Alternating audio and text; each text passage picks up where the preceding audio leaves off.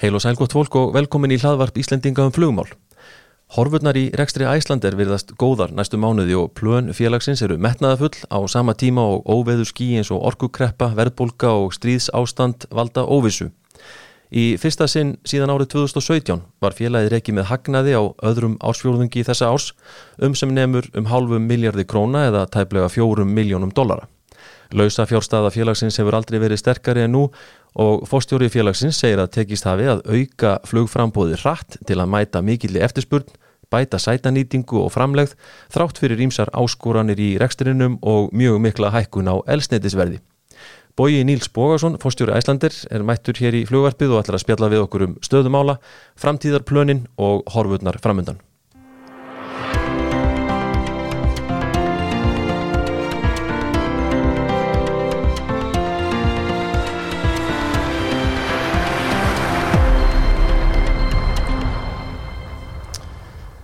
Já, hann er mættu til okkar, Bói Níls Bógarsson, fórstjóri Æslandir, velkomin í fljóarpið. Takk fyrir.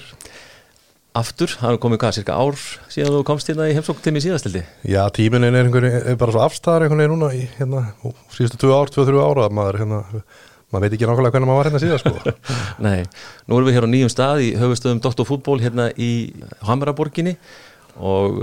Er það rétt sem ég hef heyrt að þú sért harður tóttinam? Ég er mjög harður tóttinam maður og reynir helst ekki að missa leik með tóttinam þannig að hérna, ég er nokkuð ánægði núna með stöðu liðsins í, í deildinni þó þeir gæti alveg spila betur þá hafa úslitin verið fín nema okay. kannski hérna síðastileikur í meistardeildinni en ég er mjög harður spörsmaður ah, mm. Ferðu reglulega á leiki? Já, við höfum svona reynd að fara nokkur svona, já svona veit, eh, tvo leiki á hverju kemstíðanbili Eh, það eru hann nokkur, nokkur harðið tóttunamenn í, í vinnunum með mér. Og við höfum svona farið saman gegnum tíðina með krakkan okkar og yfirleitt á útileiki hjá tóttunum og fyllt svona tóttunum, hörðustu tóttunum stuðnismennunum og það er ótrúlega skemmtilegt. Það þarf að benda hérna dóttunum á það. Ef það vantir sérfræðing í, í tóttunamálum þá, sértu þarna til staðar. Já, ekki spurning, allavega harður stuðnismar Akkurat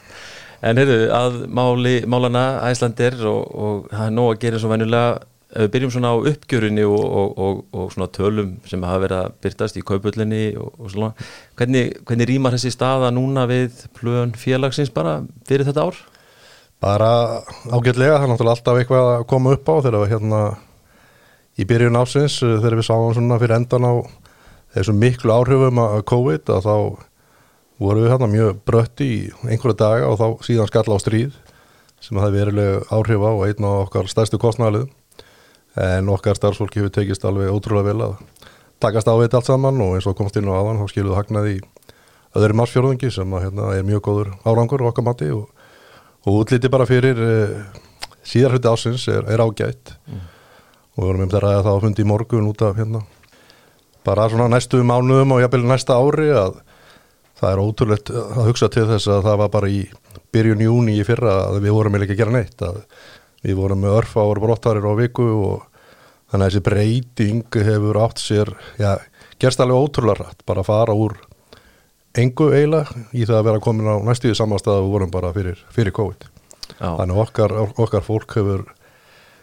bara gert kraftaverk í mjög krefjandi aðstæðum, við náttúrulega þekkjum og þú, ég vil og ég og ég vil betur að aðstæðar á flugvöldum út í heimi og þess aftar þannig að það er alveg ótrúlega að félaginu og starfsfólkinu hafi tekist að koma því á staðin sem það er í dag. Já, þetta er magna hvað búið að gerast margt á skömmun tíma. Um, og svona þess að þú segir horfurnar eru góðar fyrir veturinn og, og hvað bókanir að lofa góðu eða? Já, bókanir fyrir næstu mánu eru, eru bara fínar og uh, útlitið gott svona það sem við sjáum en síðan eins og komst inn á ínganginum að það er svona óvisa og ákveðin svona skíja á lofti, dökk eh, verðbólka, allstaðar, kostnar og hekka og, og svo er spurning með þessa, þetta, hva, þetta sem er að gerast í Östur Európa, hvernig það þróast. Síðan eh, vorum við náttúrulega að koma út úr tveggjára kói tímabili þar sem enginn var að ferðast og mjög mikil ferðavilji nú í sömar og fólk búið að, búið að byggja upp einhverja sjóði sem átti þá til aflugur núna sem að þau hafa verið að fólk hefur verið að nýta í, í sumar og í haust og, uh, en útlitið er samt bara gott fyrir næstu mánuði og við erum bara brötta á framtíðina. Já, og þið voruð að segja í kynningu með ásreikningunum núna eh, eða sérst þegar voruð að byrta Q2 að það væri reikna með hagnaði af rekstrinum á seinni hluta ársins hvað svona erum við að horfa á þegar við horfum á árið í heild helduru eða þú ættir að spá fyrir um það. Við erum alltaf að fástu þessar stífu kaupallareglur þannig að þetta er það sem við gefið út að við reiknum með að vera í hagnaði á, á síðar hluta ársins. Við vorum líka í hagnaði á öðrum ásfjörðungi þannig að þetta er það sem við hefum sagt og ég get ekki sagt neitt meira á þessu, þessum tíum punkti við vitum hvað við gerðum á, á fyrsta ásfjörðungi en uh, markmiður núna á horfuðnar sem við erum að búin að gefa út það er að vera í hagnaði á, á síðustu sex málum ásins og maður er náttúrulega búin að finna það sjálfur á eigin skinni bara í sumar að það, vélarnar eru bísna þétt setnar er ekki, erum við ekki að fara að sjá bara glimrandi Q3? Jú, útlítið fyrir Q3 hann lítið eftir að þeim fjórðungi að þérna sætanýtinginni sem við höfum gefið út bæði fyrir júli og ágúst bara, bara hún hefur verið fín og hérna einingatekinnar við sögum það líka þegar við byrtum Q2 að og við vorum ánað með einingatekinar í, í Q2 og það hefur hækkað talsvert og við sögum að það eru enn sterkari núna á þessum fjórðungi þannig að jú, jú, bara útlitið hvað varðar uppgjörið er ennþá bara, bara fínt mm -hmm. og þeir eru búin að byrta núna svona vetrar áallununa og hún er bara hvað, næstu því á pari við 2018-19 eða? Já, við erum alltaf að færast nær uh, þó það sé ekki þetta markmið endilega, við erum bara að uh, horfum, á þess, horfum á það að vera með áallunum í takt við eftirspurnar sem við gerum ráð fyrir, það er ótrúlega mikilvægt í flugregstri að, hérna, að stilla það rétt af. Og svona við vorum í þessum fjórðungi eitthvað ríflega að gera, að framlega ríflega 80% af því sem við gerðum 2019, uh, við förum upp í eitthvað 90% í fjórðásfjórðungi og uh, síðan hérna upp í jannálat 100% á fyrsta ásfjórðungi næst ás en það þýr ekki endilega að við verðum í 100% allt árið næsta Nei. því að háarinn skiptir svo miklu máli í þessu. Við vorum eitthvað eins og segi 82-3% núna á háarunni væntalega verður einhver vöxtur á milli ára en ég ásand ekki vona því endilega að við förum upp í, upp í 100% af 2019 á háarunni næsta ás þó við verðum þar á fyrsta ársjónu Það er skilju En svona þú hóruð tilbaka núna yfir svona sömarið uh, sko Hvað, það, eins og nefndir, það er búin að vera miklar áskoranir eins og með á flugvöldunum sem var nú mikið í fréttonum og, og slíkt svona, hvað er það sem hefur tekist best á þessari, þessari miklu vertið núna? Já, það hefur eiginlega bara allt tekist ágjörlega miða við hversu aðstæðnur hafa verið kræfjandi. Það hefur náttúrulega verið mikill skortur á, á starfsfólki á flugvöldum bæði í Evrópu og Norður Ameríku uh, hvort sem það eru flugvöldinni sjálfur eða þjónustu aðlarnir á flugvöldunum þannig að það hefur verið mjög krefendi og, og skapað gríðalegt álag fyrir okkar fólk sem er hérna að vinna á þessum öllum og, og bara fyrir, fyrir flugum með líka og flugfröður þau áhafnir hafa oft eh, bara stokkið inn og, og bjarga hlutum sem á, við þurfum þurft að halda á því. Þannig að mhm. hérna og síðan hérna í Keflavík að okkur tókst ákveðlega að manna alla stöður þar en út af tröflunum út í heimi þá hefur það náttúrulega keðiverkandi áhrif hingað og hefur skapað gríðalegt ála hér í Keflavík. Við þekkjum þetta með töskutna frá Amsterdam og þess aftar þannig að hérna okkar fólk eins og ég segi bara enn og aftur hefur bara unnið kraftaverk við, við gríðalega erfiðar aðstæður. Það er náttúrulega káð síðan nummer eitt og síðan bara að stilla leiðakerfi af og vera með áætlun sem að hérna passar vel við eftirspunnina þannig að það hefur líka gengið mjög vel. Og sætanýtingin og einingatekinnur endur spegla það þau þurfum náða auka nýtinguna sem dæmi á sætunum fram í á sagaklass og það skila sér í hækkun einingatekna þannig að mm. það er svona bara mjög margt sem hefur gengið upp en það er líka við viljum sem betur fyrir alltaf hægt að gera betur og sko þeirra var nú sennilega var það ekki bara skemmtilegt fyrir hérna hlaðmennina sem að fengu það verkefni margir hverjir að fara í flugferð á vaktinni og, og fara að hlaða og afhlaða á, á outstation? Jú, jú, það ævintýri og tilbreyting þannig að hérna svona verðum við bara að gera hérna að bjarga hlutunum, við, við, við rettum hlutunum það, það er bara nöðsulegt þegar, ástandi er svona út í heimi og við nefndum með þess að stilla sko leiðakerfið af, þetta er rosa stór partur af því að þetta funkar í vel ekki satt að og þeir voru, núna í sumar er búið að vera svona þessir tveir, hvað til þrýr bankar eiginlega í Keflavík. Já, já, við erum búin að síðan í mæ og þangu til núna, þetta var að klára svona í síðustu viku að, hérna, að vera með fleiri banka en einn. Og það hefur bara gengið vel og og hefur líka hjálpað alveg gríðala í þessum tröflunum að vera með fleiri, bank, með fleiri en eitt banka þegar það er eitthvað, einhverja tafir út í heimi að við getum þá fært uh, fólk á, á milli og fært yfir aðra brottvarir og eða okkar viðskiptöðinni þannig að uh, það reyndist mjög vel í, í sumar í þessum tröflunum að vera með fleiri en eitt banka og markmiðið okkar til framtíðar er að halda áfram að, byggja þetta kerfi upp svona Heldur það að sé langt inn í framtíðina sem að þú getur séð fyrir þér að halda út í tveimu böngum allan, all, allan ásins ring? Það er örgulega einhver árið það en vonandi tekst okkur að svona útvíka þetta rekstra tímabili í báðar áttir svona smá saman og, og svona að vera með stærri hluti, hluta minni hakkamari vela í flótanum það, það mun klárlega hjálpa til við það því að hérna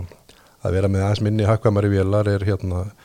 við ættum að geta flóið þeim meira yfir veturinn heldur en stóru hérna, eða stærri vélum sem eru kannski óhakkamari hvað var eðlasniti þannig að það mun hjálpa til í því að hérna útvíka þetta ekstra tímabil á, setjumbankanum mm -hmm og líka þessi síðan stilling á milli uh, Ameríku og Evrópu. Þetta verist að hafa gengið vel í sumar. Já, já, að vera með réttan balans er, er mjög mikilvægt og það hefur gengið eins og segir bara í heilsinni hefur stýringin á leiðakerfinu verið mjög góð í, í sumar sem að og líka tekjustýringu og allt þetta og, og salan þetta, það er náttúrulega allt saman að virka til þess að til þess að uh, sætarnýting og svo einingatekjur uh, skilið sér með þeim hætti sem nöðlunat er til þess að félagi sé bara með góða afkomi Já, þú nefndir hérna áðan sko með þessar ótrúlega breytingu sem hefur orðið á skömmun tíma, þú veist félagi var náttúrulega nánast í hýði fyrir einu og hálf ári síðan, ekki satt? Já, við vorum í hýði hérna í rúmdár þanga til bara miðjan júni í fyrra, þannig að þetta er bara rétt rúmdár það er ekki lengra síðan að við vorum eiginlega í yngri starfsemi, þetta voru bara örfa á fluga á viku til þess að halda, halda tengingum gangandi við hérna milli Íslands og Európu og Norður Ameríku en eins og ég segi þetta varð alveg ótrúlega breyting á skömmum tíma og bara eins og ég sagði þá það voru að ræða þetta bara akkurat í morgun bara ég er ekki lengra síðan, ég er rétt rúmt ára og við vorum eiginlega ekki að gera neitt ja. af því að það hefur gengið líka, við erum náttúrulega fjölga fólki sem betur fyrr aftur á öllum sviðum og, og frábært að sjá fólk koma aftur og líka bara sjá nýjandlit og, og sem betur fyrir er mjög mikil eftirspunni eftir því að vinna hjá félaginu og það hefur tekist eh, mjög vel að manna, manna öll stór eh, Manstu það svona ef maður spyrir um sko starfsmanna fjölda cirka bát svona þegar þetta var sem minnst og hvað þetta var síðan mest núna í sumar? Sko ég, ég held að þegar árið 2020 var að hefjast, það var þetta með hótulunum þá vorum við með eitthvað um 4000 4500 starfsmenn að með minnir og uh, fóru nýður í 1500 þegar við, vorum sem fæst og erum uh, aftur komin upp í ja, 3500 stöðugildi núna. Þannig að þetta hefur verið það hefur verið mjög mikið að gera á mannauðsöðinu og þau hafa líka staðið sér algjörlega frábælega ja, þetta er svona tölur sem að hérna, ég er ekki alveg með þetta 100% þetta er svona cirka er það einhverja svona, einhverja já, svona. Já. Já, já, öllu falli allt á réttri leið það voru kynntir eh, nýjir áfangastæðir hjá félagin í vor Róm og Nís og, og hérna Raleigh Durham í, í Bandaríkjónum hvernig hefur gengið á þessu staði? Það hefur bara gengið vel eh, sem dæmi Raleigh Durham við ætluðum að fljúa þangað fram til 1. november og hætta svo og byrja svo aftur í mæja næsta ári en vegna þess að þetta hefur gengið það vel og eftirspunnin það mikil að við hefum ákveðið lengjar ekstra tímablið fram, á, fram í 7. janúar og setja fara þá í smá pásu og hérna byrja aftur svo í mæ þannig að sástæðar hefur gengið mjög vel. Eh, það sama við um, um Róm. Þar voru, voru við svona að gera ákveðna tilrönd, við vorum að tengja millibanka og bjóða þá sem er Róm, eða bjóða Róm inn á Víamarkaðin líka. Og það hefur gengið mjög vel líka. Og nýst gengið ágæðlega, við settum líka Salzburg í gangi í fyrra svona inn á skíðavertíðin og erum að lengja það ekstra tímabili núna, byrjum fyrir, byrjum fyrir jól. Þannig að hérna allir þessi nýju staðir hafa bara gengið vel og svona hilsinni í, í sömar og er, hafa ekkert verið margir veikiblættir í, í leðakerfinu. Og eins og við nefndum á svona daldi metnaði full uh, vetrar áallun sem búið er að byrta svona aukinn tíðinni á marga staði. Og... Aukinn tíðinni, við erum að bjóða þessum dæmi dagflug á bæði Boston og New York sem er hérna náttúrulega frábær vara fyrir bæði Íslendinga og hérna bandaríkjaman að koma hingað Þannig að við erum að bara styrkja vörun okkar með, með þessu, það er, það er ekki spurning. Hvað með nýja áfangastæði? Getur eitthvað upplýst um eitthvað svona, hvað er á döfinni þar? Ekki þetta á þessu stífi, við erum ekki búin að taka ákvörðun um neina nýja staði fyrir, fyrir næsta ár, Þa, það, það, það er bara staðan eins og, en við erum alltaf að skoða tækifæri og þess að það, en það hefur ekki verið tekin ákvörðun ennum neina nýja staði á þessu ári, við erum eins og ég var að segja, við erum bara bæta tíðni og, og þess að það og bara þetta kerfið áfram, það er nýja staðir, það hefur ekki, verið tekin ákvörðun um, um slíkt. Það alveg merkilegt eiginlega eins og með þennan Raleigh Durham-stað það verðist svona fyrir mann að horfa á þetta að menn hafi unnið heimavinnuna sína þar þannig er eitthvað staði sem maður aldrei hýrt um en, en þetta er að svín virka Já, já, mikil hérna, greiningarvinna sem átti sér stað hjá okkar, okkar fólki þar og það er náttúrulega að hafa átt sér stað ímsa breytingar innan bandaríkjana bara í síðustu tvö ár. Tilflutningur á fólki og þess og inn á þetta svæði hefur fólk verið að flytja. Og, uh, og það er náttúrulega hefur verið lítið frambóð á beinu tengingu til Evrópu og hérna þannig að þetta hefur virkað mjög vel hjá okkur. Mikið af víja farþugum Mikið af víja farþugum en líka talsvert að ferðamönnum það að koma, koma hingað. Til Íslands, já. Það vakti aðtilli held ég að vera í fyrra þegar Tenerife kom svona inn sem áallunarstaður og út úr Víta í runni Hvað með aðra slíka staði eins og Verona, Las Palmas eh, eru að fara að sjá það fara kannski sömu átt að þetta verði áallunarstaði frekar heldur en leiguflug? Ég ætla ekki að kannski taka þessa staði sérstaklega þess að hún nefnir en Nei. bara svona heilt yfir þá er stefnun okkar til framtíðar að taka þetta meira bara inn í áallununa þó að þetta séu kannski bara til til að fá flug yfir ákveði tímabil að með því að taka þetta inn í áallununa inn í sölukerfi og dreifingarkerfi Æslandi er samhliða kannski því að vera að selja vita vörumerkið að það náum við bara sterkari dreifingu, við náum líka að selja markaðan til Íslands, þannig að stefnan okkar með því að taka vítaðurinn bara inn í Æslandi er, er einmitt að, að gera eins og við höfum verið að gera með Teneríf og, og Alicante og horfa til þess að þetta sé bara í mjög, mjög mörgum tilvökum tekið inn í leiðakerfi Æslandi er. En síðan getur náttúrulega verið svona, hvað sé að tilfallandi ævintýraferðir eða þess aftar sem að fara ekki inn í, ekki inn í, ekki inn í liðakjörfi, kúpa sem dæmi eða eitthvað, eitthvað þess að ah, þetta er einhver svona seria sem eru veist, nokkuð flug í einhver tíma að þá svona, munum við öruglega í flestum tilvíkum bara taka þetta inn í liðakjörfi Æslandir Skilík eh, Eitt af því sem hefur verið mikið í fréttunum er elstendisverðið og verið svona eina, eins og nefndir á svona stóru kostnaðilónum sem hefur verið, verið mjög hátt og, og er nú farið að lekka svolítið aftur svona upp á síkastið En hvernig er félagið svona að reyna að verjast uh, þessum sveiblum eða eitthvað? Já, þegar þetta hækkulinn fór að eiga sér stað, þá vorum við með varnir sem að hérna, við vorum með samninga með þar COVID skall á og gerðum þá samninga endur sömdum við mótaðilana og flöttum svona þá samninga áfram. Þannig að við vorum með varnarsamninga núna inn í annan og eitthvað inn í þriðja ásfjóðung þess ás sem hefur komið sér mjög vel, þá var mjög góðum verðum en síðan höfum svona hægt og hljótt verið að feta okkur inn í fjórða ásfjórðung og, og eitthvað inn í fyrsta en, en mjög lítið ennþá því að reyfingin hefur náttúrulega verið mjög mikil á þessu en við erum áfram með þessa stefnu að verja svona 40-60% af, af næstu 12 mánum og svo eitthvað minna fyrir næstu 6 mánuði þar á eftir. En bara út af þessum miklu sveiplum á mörgum þá hefur verið svona tiltölu erfitt að feta sig að fullu inn í stefnuna. Þannig að við erum við erum tiltölu að lítið varin hérna uh, fyrir uh, næstu 12 mánuði sem er kannski ágætt við eða höfum farið í einhverjar varnir hérna þegar verðið var 13-1400 þá, þá hérna og sætum upp með, það núna þegar verður orðið þúsund. Það er bara þetta sem við erum að horfa á að reyfingin er talsverð þannig að, að fara inn í stefnun og fullu við viljum gera það svona, hvað við segja, hægt og hljótt. En það hefur þá komið sér mjög vel að hafa, hafa þessa varnir núna yfir sumafyrtíðina Það er hjálpuðu að við, við vorum hérna 20-25% á öðrum og, og, og þriðja og það, það kom sér mjög vel því að verðin voru hann að talsvert undir þúsund sem voru búin að verja okkur á. Akkurat. Eh, þá svona leiði maður sig aðeins inn í, inn í flótamálinn sem að hérna um leiðu að erstendisverði fyrir upp á gömlu vélarnar óhagkamari og slíkt. Já, já. Er þetta þessi staði sem búin að vera upp í síðustu mánu, er hún að flýta því ferli eitthvað? Nei, hún er ekki að flýta því ferli, við erum bara með verkefni í gangi sem að hérna við erum búin að vera með í, í gangi all nokkur tíma, eins og hefum komið fram hjá, hjá okkur áður að þá fórum við mikla greiningarvinnu í, í fyrra og sem skilaði ákveðni niðurstöðu. Og í stöttum máli var niðurstöðan svo að við vorum bara með tvo fína kosti fyrir framann okkur til framtíðar, hvað var það framtíðar flóta félagsins það er annars verið að vera með þessa Max-vila sem svona, hvað þú sé, grundvallar vél í flótanum og 7-6 með sem að hugsalega, þeim er þið svo kannski skipt út eða hugsalega fyrir hérna 7-8-7 til, til framtíðar. Og svo er hinn valmögulingin, það er bara að fara að feta okkur yfir í Airbus flota. Og þetta er verkefni sem við erum bara að fara í núna hérna, og skefti tilbóðum í þessa tvo kosti. Og síðan verður það bara metið og teknar ákvarðan út frá því. En við erum þá að horfa til þess að þeir eru að tala til lengri tíma það er svona 2026 uh, cirka, verður vantilega síðasta árið sem við erum að reyka 7-5 í, í farþega leiðakjörunum og þá erum við að horfa til þess að við farum til þessi Airbus og þá þurftum við að koma með vélar sem að færa að taka við þá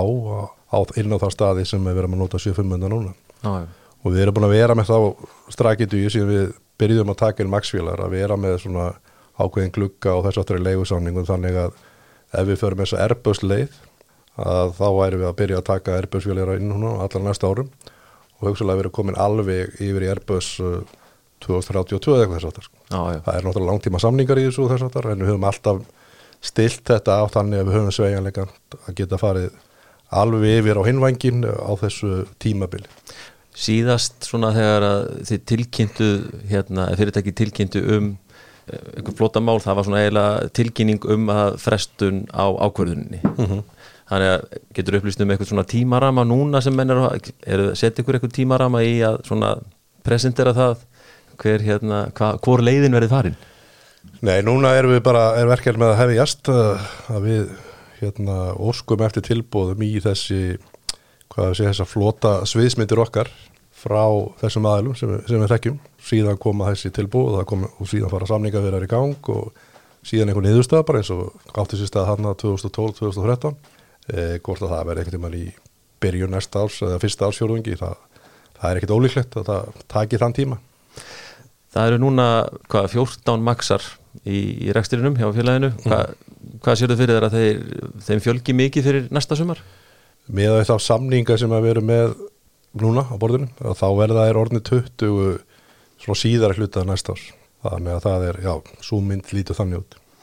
Og hún er að virka betur í þessu leiðakerfi heldur en menn svona þorða að vona Já, við vorum alltaf hérna bjassín hvað þessa vél varðar og hérna, og hún myndi henda leiðakerfinu vel og það er algjörlega niðurstaðan, það er að, að raunggerast að vélarnar koma mjög vel út bæði rekstrarlega og og endurgjöfum frá farþjóðum er, er mjög góð þannig að heilt yfir þá, þá eru vélarna bara að koma mjög vel út og, og þessum eru við að bæta við fleiri svona vélum inn á fyrir næsta, fyrir næsta ár. En eru farþjóðar ekkit að hvart yfir þetta séu of lítil flugvel fyrir svona þessi löngu flug, Orlando og Seattle og svona sem var kannski ekki alveg inn í, inn í rammanu sko þegar hún var fyrst tekin inn? Það er mjög lítið um það, þannig að heilt yfir er endurgjöfun mjög góð. Okay það segja mér nú hérna reyndir menn í, í þessum bransa að þetta hefur verið mjög svipað mjög svipað fimmunnar að hérna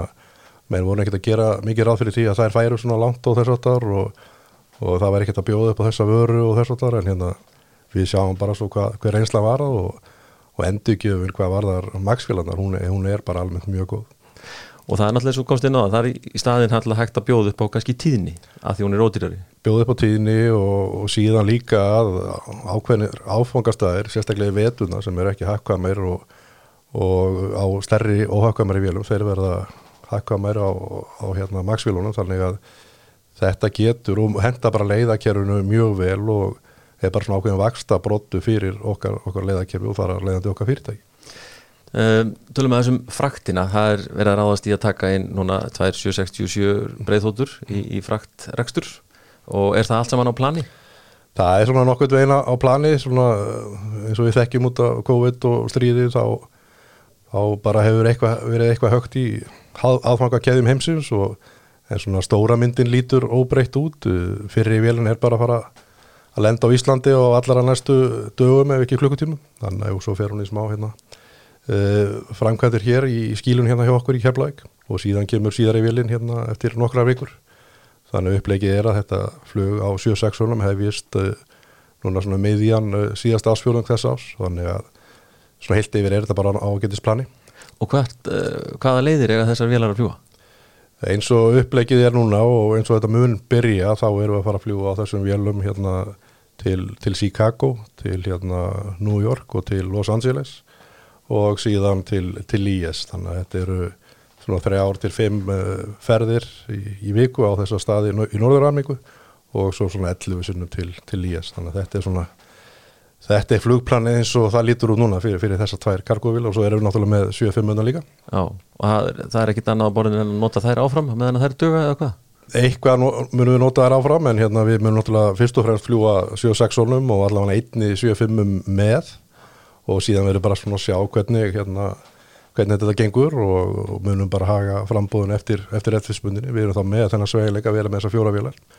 og það, það, það, við verðum bara að sjá hvernig þetta kemur allt saman út en við verðum bara að bjassina á þetta og þetta er mikil, mikil, hérna, mikil fjárfæsting og, og mikil verkefni og, og við verðum bara að horfa til þess að styrkja Ísland sem svona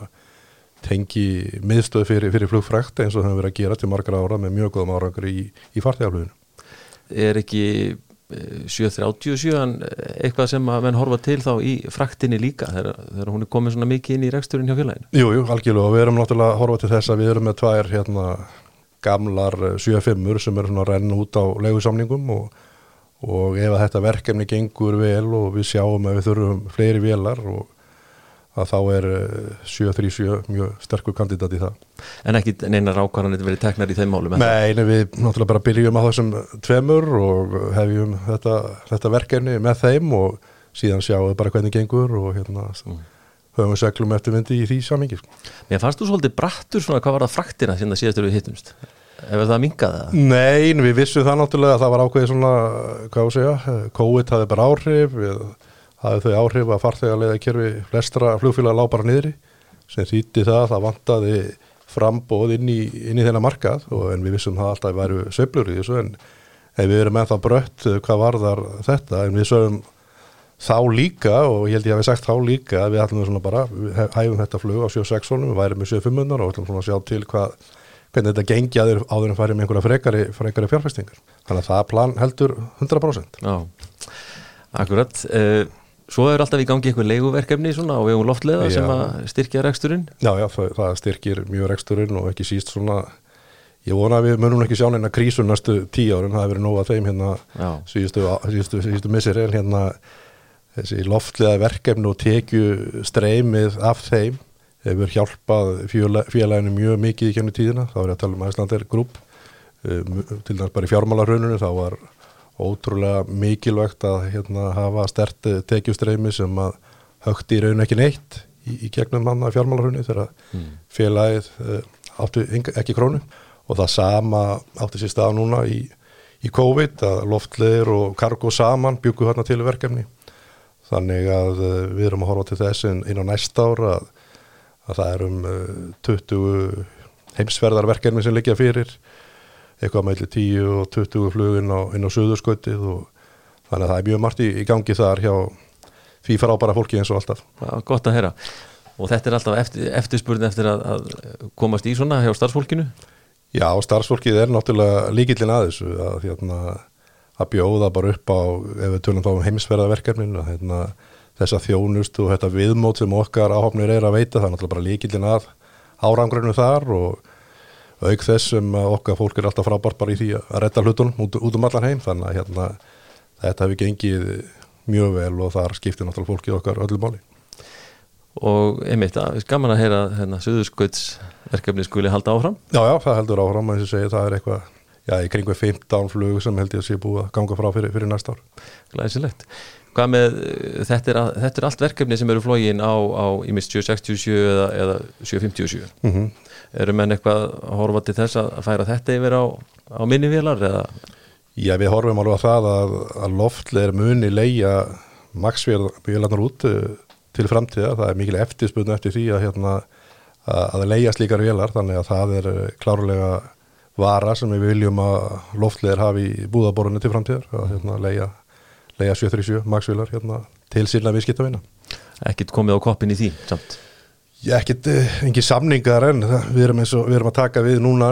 nýjum maksfélum inn í flótan fyrir, núna fyrir veturinn og það kemur alveg til greina að loftleðir verði að marka setja e, einhvern hluta þeim flótan núna, núna í vetur áður en háanum byrja næsta vor Þess að nýta, nýta vélarna bara Já En uh, við hérna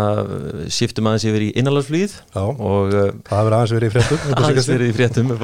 þú búin að vera á uh, fundum fyrir norðan og svona skýra, skýra málin Já, rauninni, við höfum farið á alla landsluti, við höfum búin að fara norður, vestur og austur og til þess að fara yfir þessi mál. Já. núna í, í vor, sömur og svo síðast í þessari viku fórum við norður. Og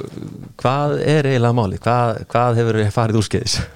Það sem að, það er náttúrulega ímislegt sem að hefur kannski haft áhrif á flug áallinu okkar og við erum alls ekki að standa okkur eins og við viljum standa okkur. Í fyrsta lagi var það þannig að við vorum með þrjáru vélar í svo kvöldum stórskoðunum síðasta vetur og síðasta vor. Það er þannig í, í flugræstri að hérna, eins og þú, þú þekkir betur en ég að, að það koma svona ákveðin bara viðhaldsplön með flugvélum og eftir ákveðin árið, ákveðina flugtíma, fjölda flugtíma þá þarf það að fara í stórar skoðanir og flugfjölu stillaði þessu oftu upp í svona kipun bara þess að út frá hakkvamni og við vorum með þrjára vilar í, skoðu núna í vetur og vor og, og skoðanannar tóku miklu lengri tíma heldur en við gerum ráð fyrir hjá viðhaldsaðalunum og uh, það kom sér bara mjög illa fyrir okkur og, og flugu állurinn og þar leðandi okkar, okkar viðskiptafinni þetta, hérna, þetta var að hafa áhrif á okkur langt inn á, inn á sumarið. Síðan er bara ímislegt annað í þessu sem að hefur haft áhrif. Uh, til mjög margar ára hefur verið að nota sama flotan í innanlandsfluginu og í grænlandsflugi. Því að þar náðu, náðu við bara ákveðinni svona hakkanum í stærðar og þess að það að nýta vélar í, á fleirum einu einu einu markað, það tekið gengið mjög vel mörg, mjög mörg ár, en nú er í sömar hefur veðrið á Grænlandi verið mjög svona óvinnlegt, mjög mikið um hérna bara þóku veður sem hefur haft áhrif á og tröflað flugi hjá okkur og þetta hefur haft svona keðju verkandi áhrif. Og síðan svona einhverja óvæntar teknibílana eins og gerist bara í, í flugreksti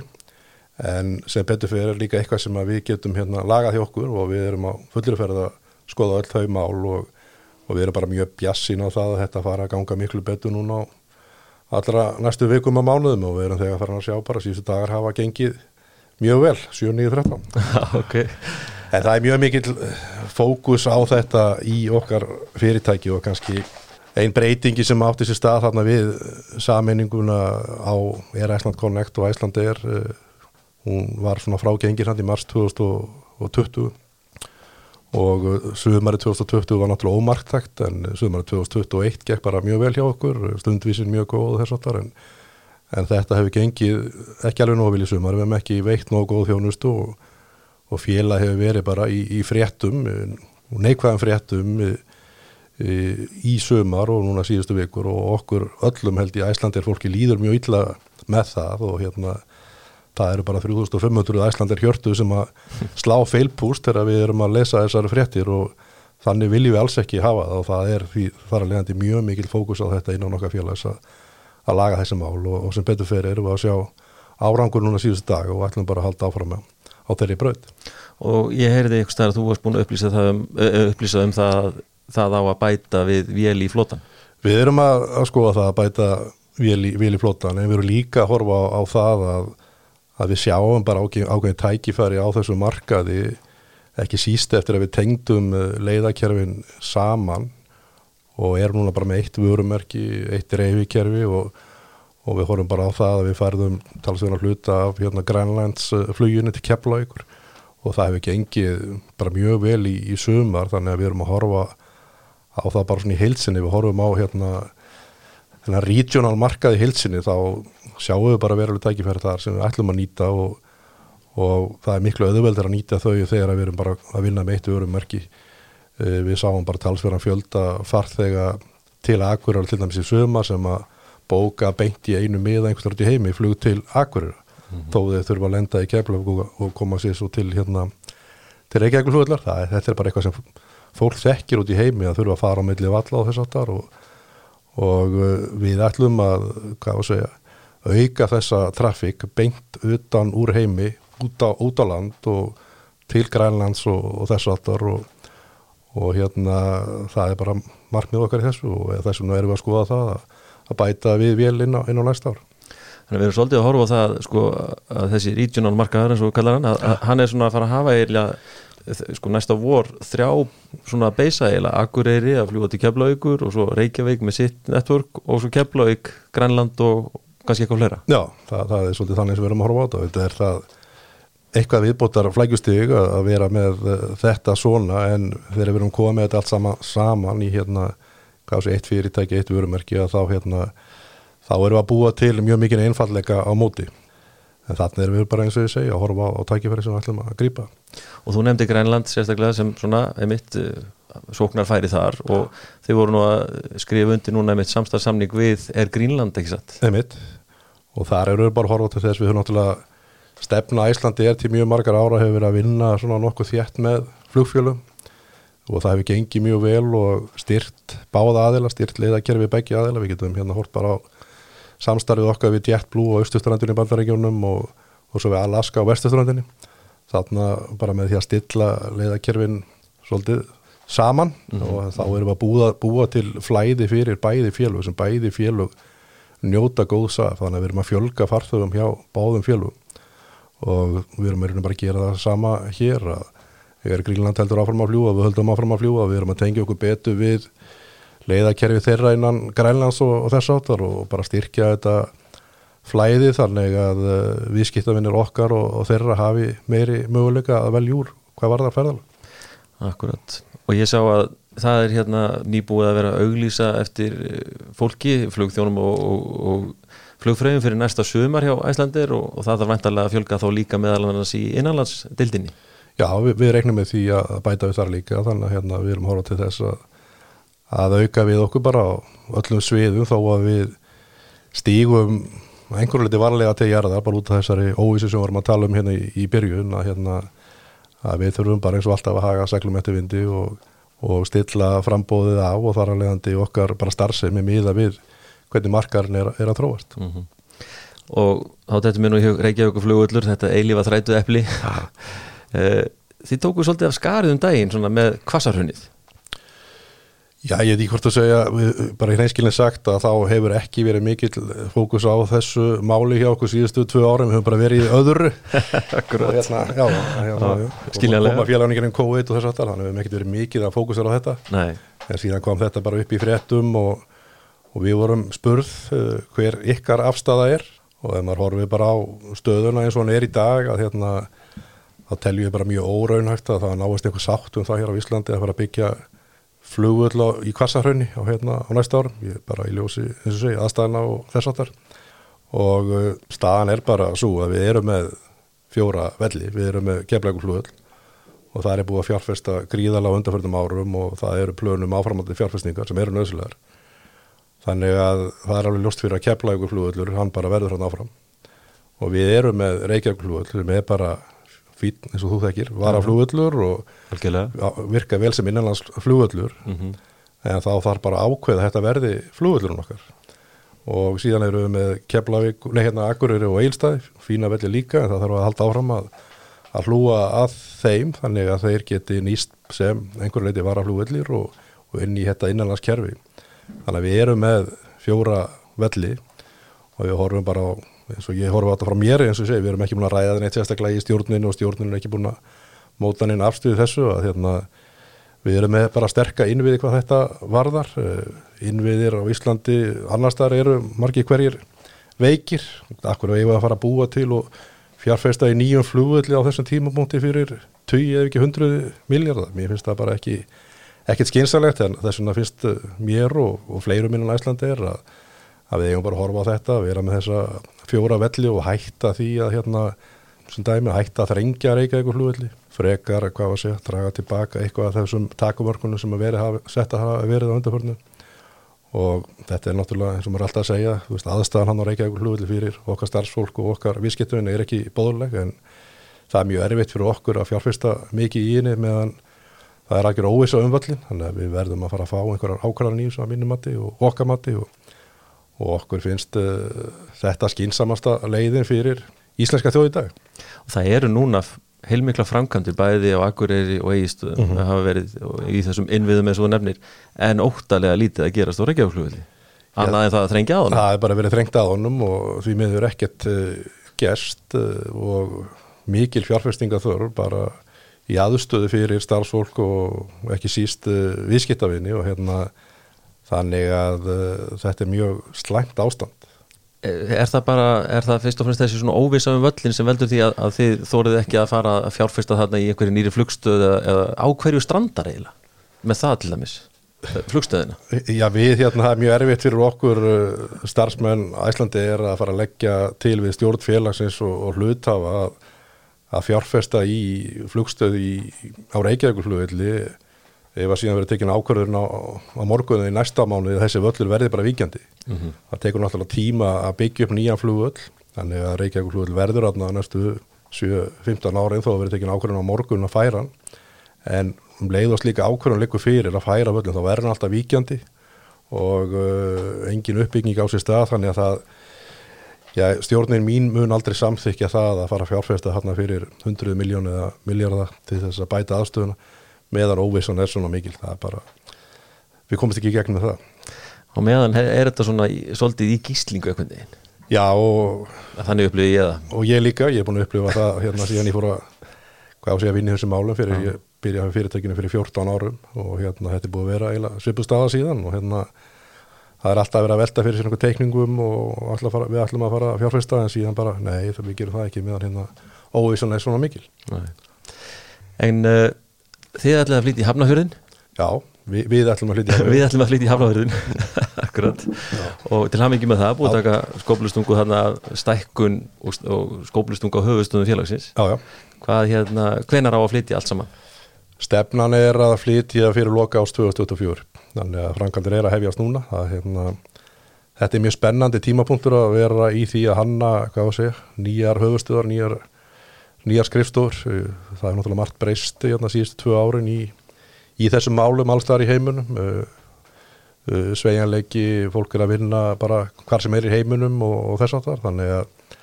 það sem við erum bara að horfa til þess að hérna, við ætlum að bjóða upp á hennan sveigjanleika, við ætlum að vera með svona já mikið af svona teimis vinnurýmum og, og þess aftar, verkefna miða að vinnu aðstöðu en stefnan er að flytja hérna fyrir loka ást 2024 ekki bara að telja hausan og hafa jafnmarkar skrifstofur Alls ekki, við erum þetta og höfum ekki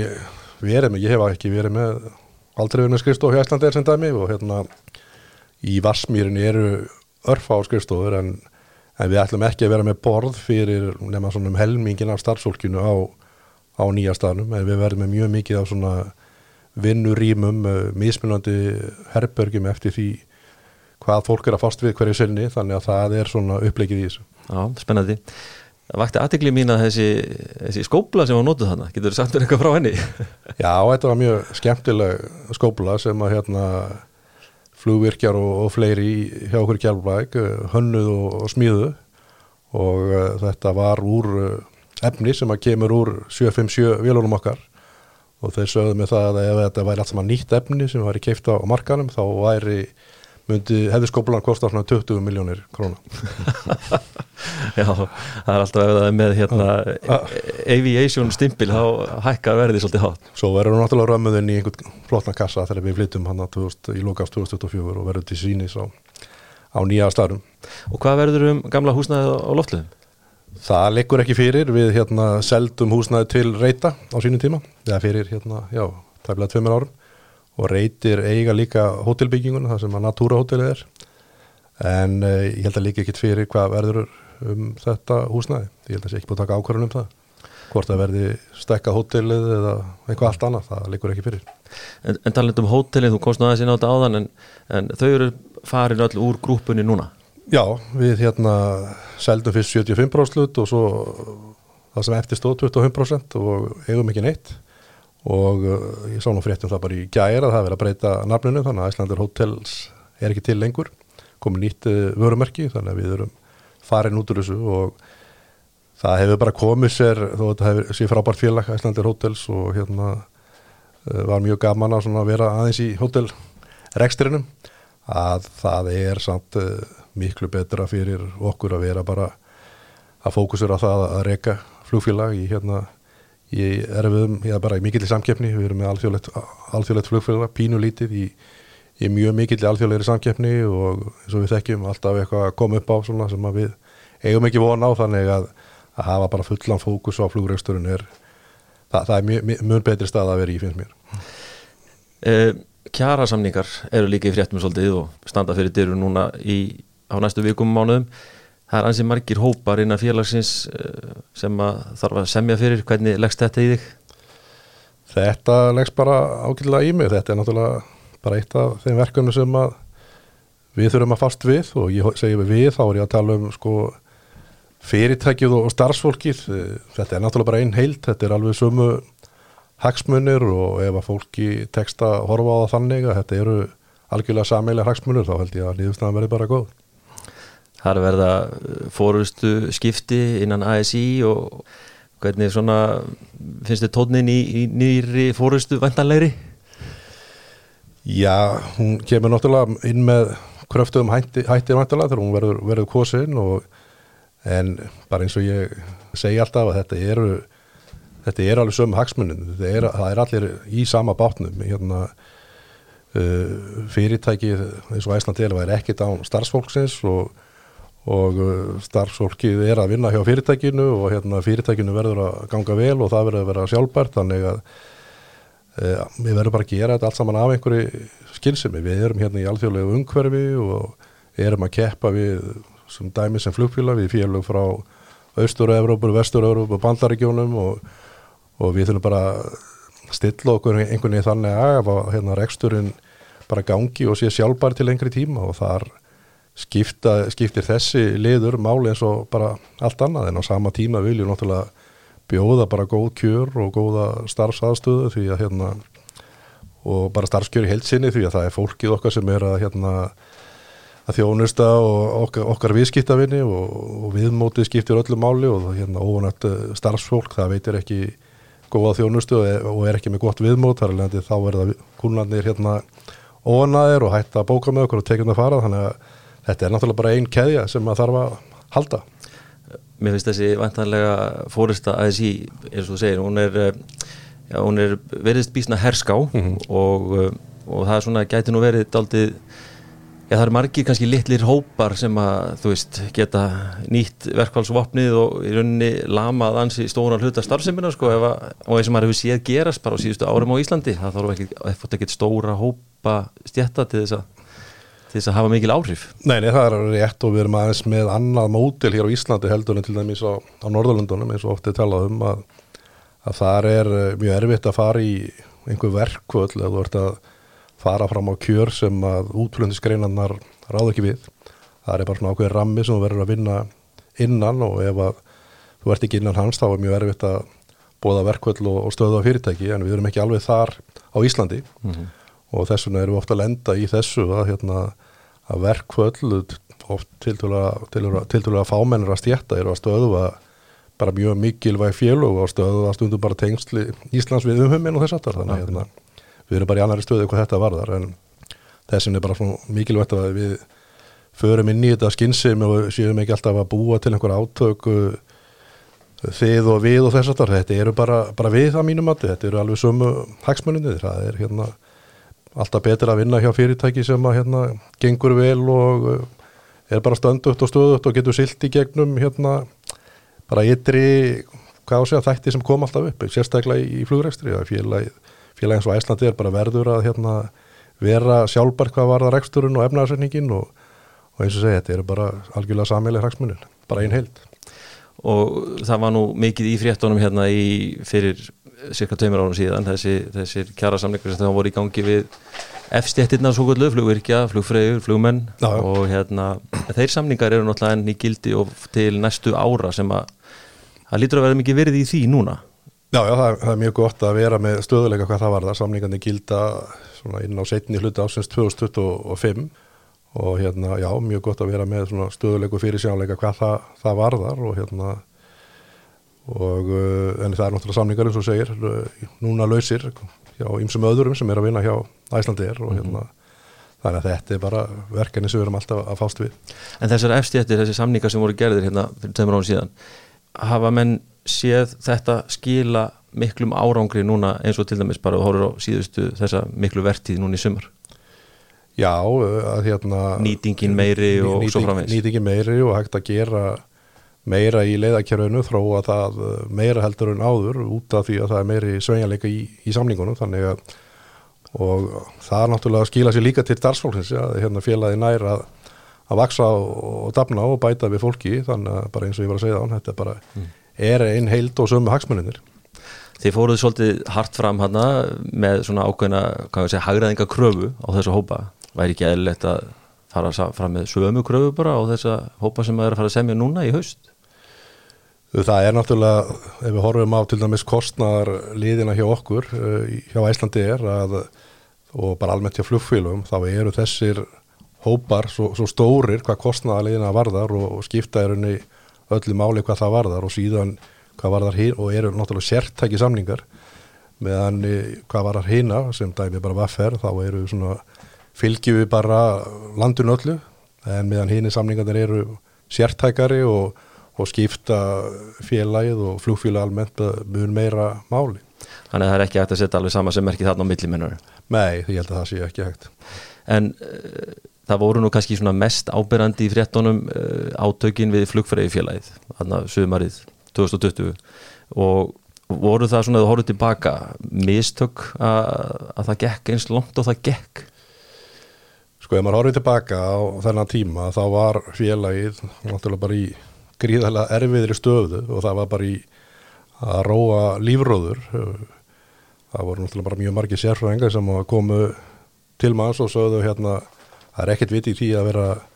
bjarga þessu fyrirtæki, þetta er hérna ekkert sjálfbært þið eru með allt og hafa kostnáð og,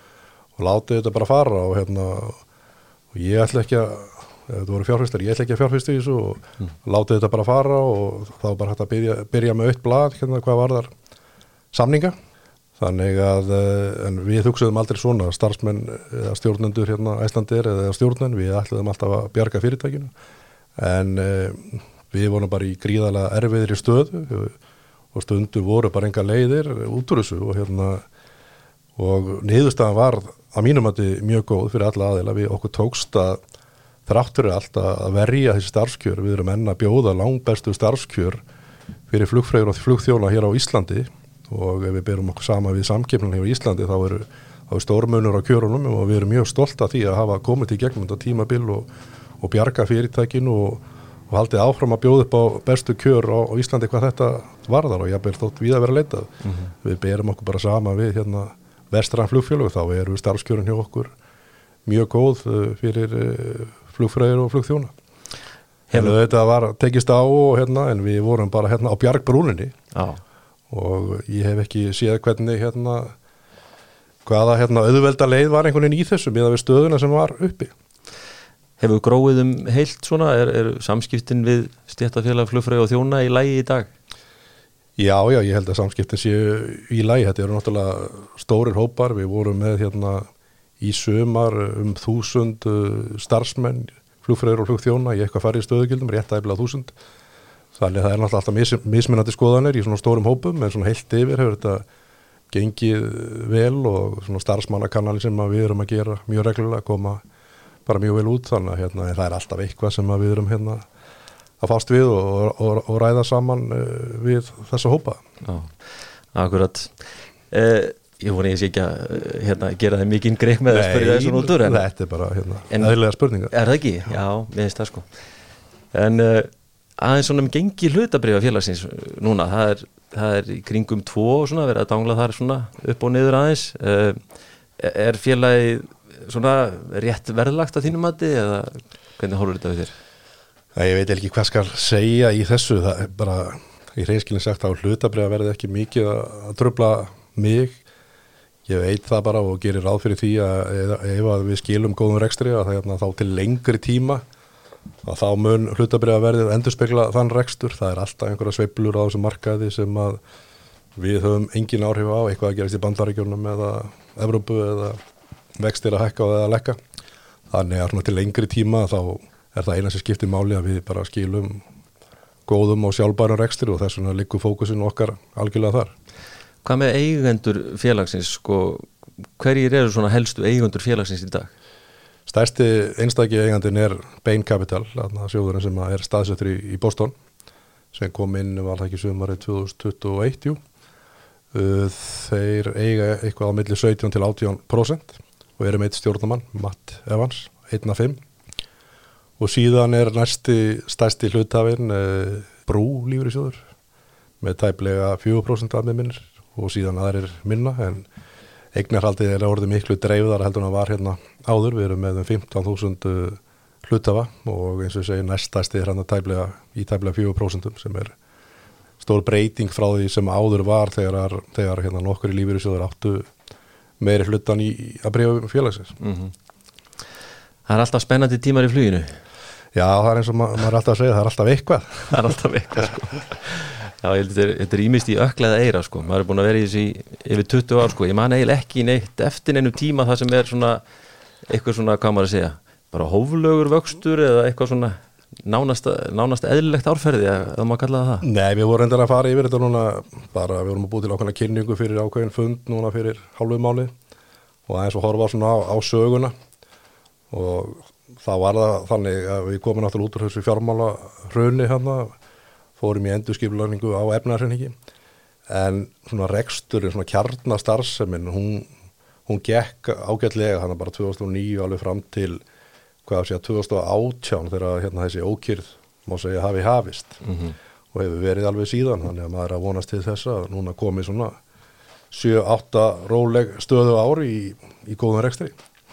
Skulum vona að verði svo leiðis og bara gangi, gangi vel í fluginu á næstu missurum og árum eins og segir um, Er þetta ekki orðið ágæðilega temt hjá okkur? Jú, er það ekki bara, við erum búin að fara yfir ímislegt hérna Ímismál uh, Nú er ég búin að þreita þið svolítið Airbus eða Boeing? Báðir möguleikar eru mjög góðir, við erum að fara